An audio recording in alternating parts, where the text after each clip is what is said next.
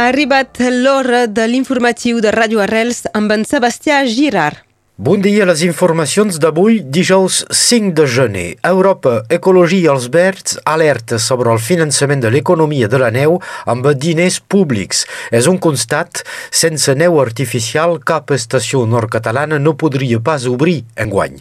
El Partit Ecologista demana que s'organitzin els estats generals de la muntanya i que les activitats lligades amb la neu es mirin amb seny. Pels Verds, tota l'economia de la muntanya s'ha de repensar.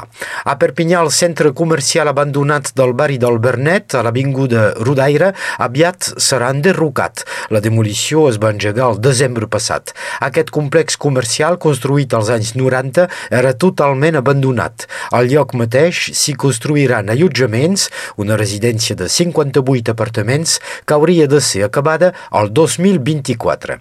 Sempre a Perpinyà, l'associació Alternativa 66 continua la seva croada en contra del malbaratament de la llum i en particular dels comerços i dels panells vídeos de publicitat que es queden encesos tota la nit. Al batlle de Pesillà, Jean-Paul Villès, encarregat d'aquest dossier a l'aglomeració de Perpinyà, precisa que les botigues tenen dos anys de termini abans d'aplicar la nova reglamentació local de publicitat intercomunal que els obligarà a aturar les llums. L'elegit precisa que també desitja que les regles d'extinció nocturn s'apliquin s'apliquin immediatament. Alternativa preveu organitzar accions d'informacions a prop dels comerciants tot aquest hivern.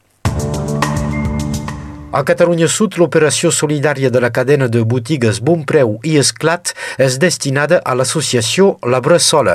És una operació que proposa als clients de rodonir el total de la seva compra en benefici d'una entitat. La col·lecta servirà per finançar la creació del Liceu de la Bressola a Perpinyà. Recordem que l'associació nord-catalana escolaritza més de 1.000 alumnes en set escoles primàries i dos col·legis.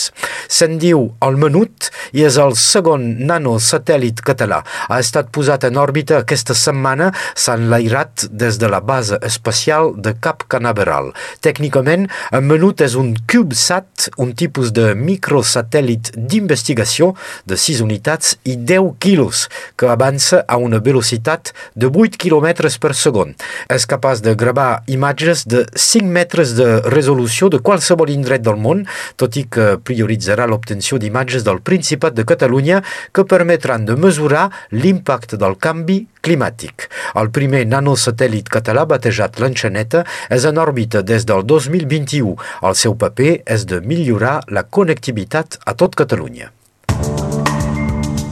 Una ballada sobrenatural avui al Festival 10 sobre 10 amb un espectacle Je viens d'étranger de la companyia Les Reptiles de França.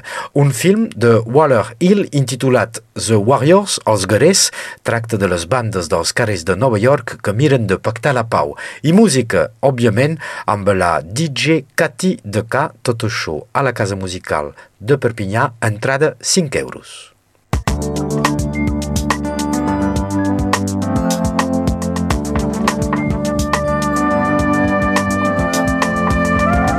Moltes gràcies, Sebastià. Passem ara a l'informació del temps amb Meritxell Cristòfol.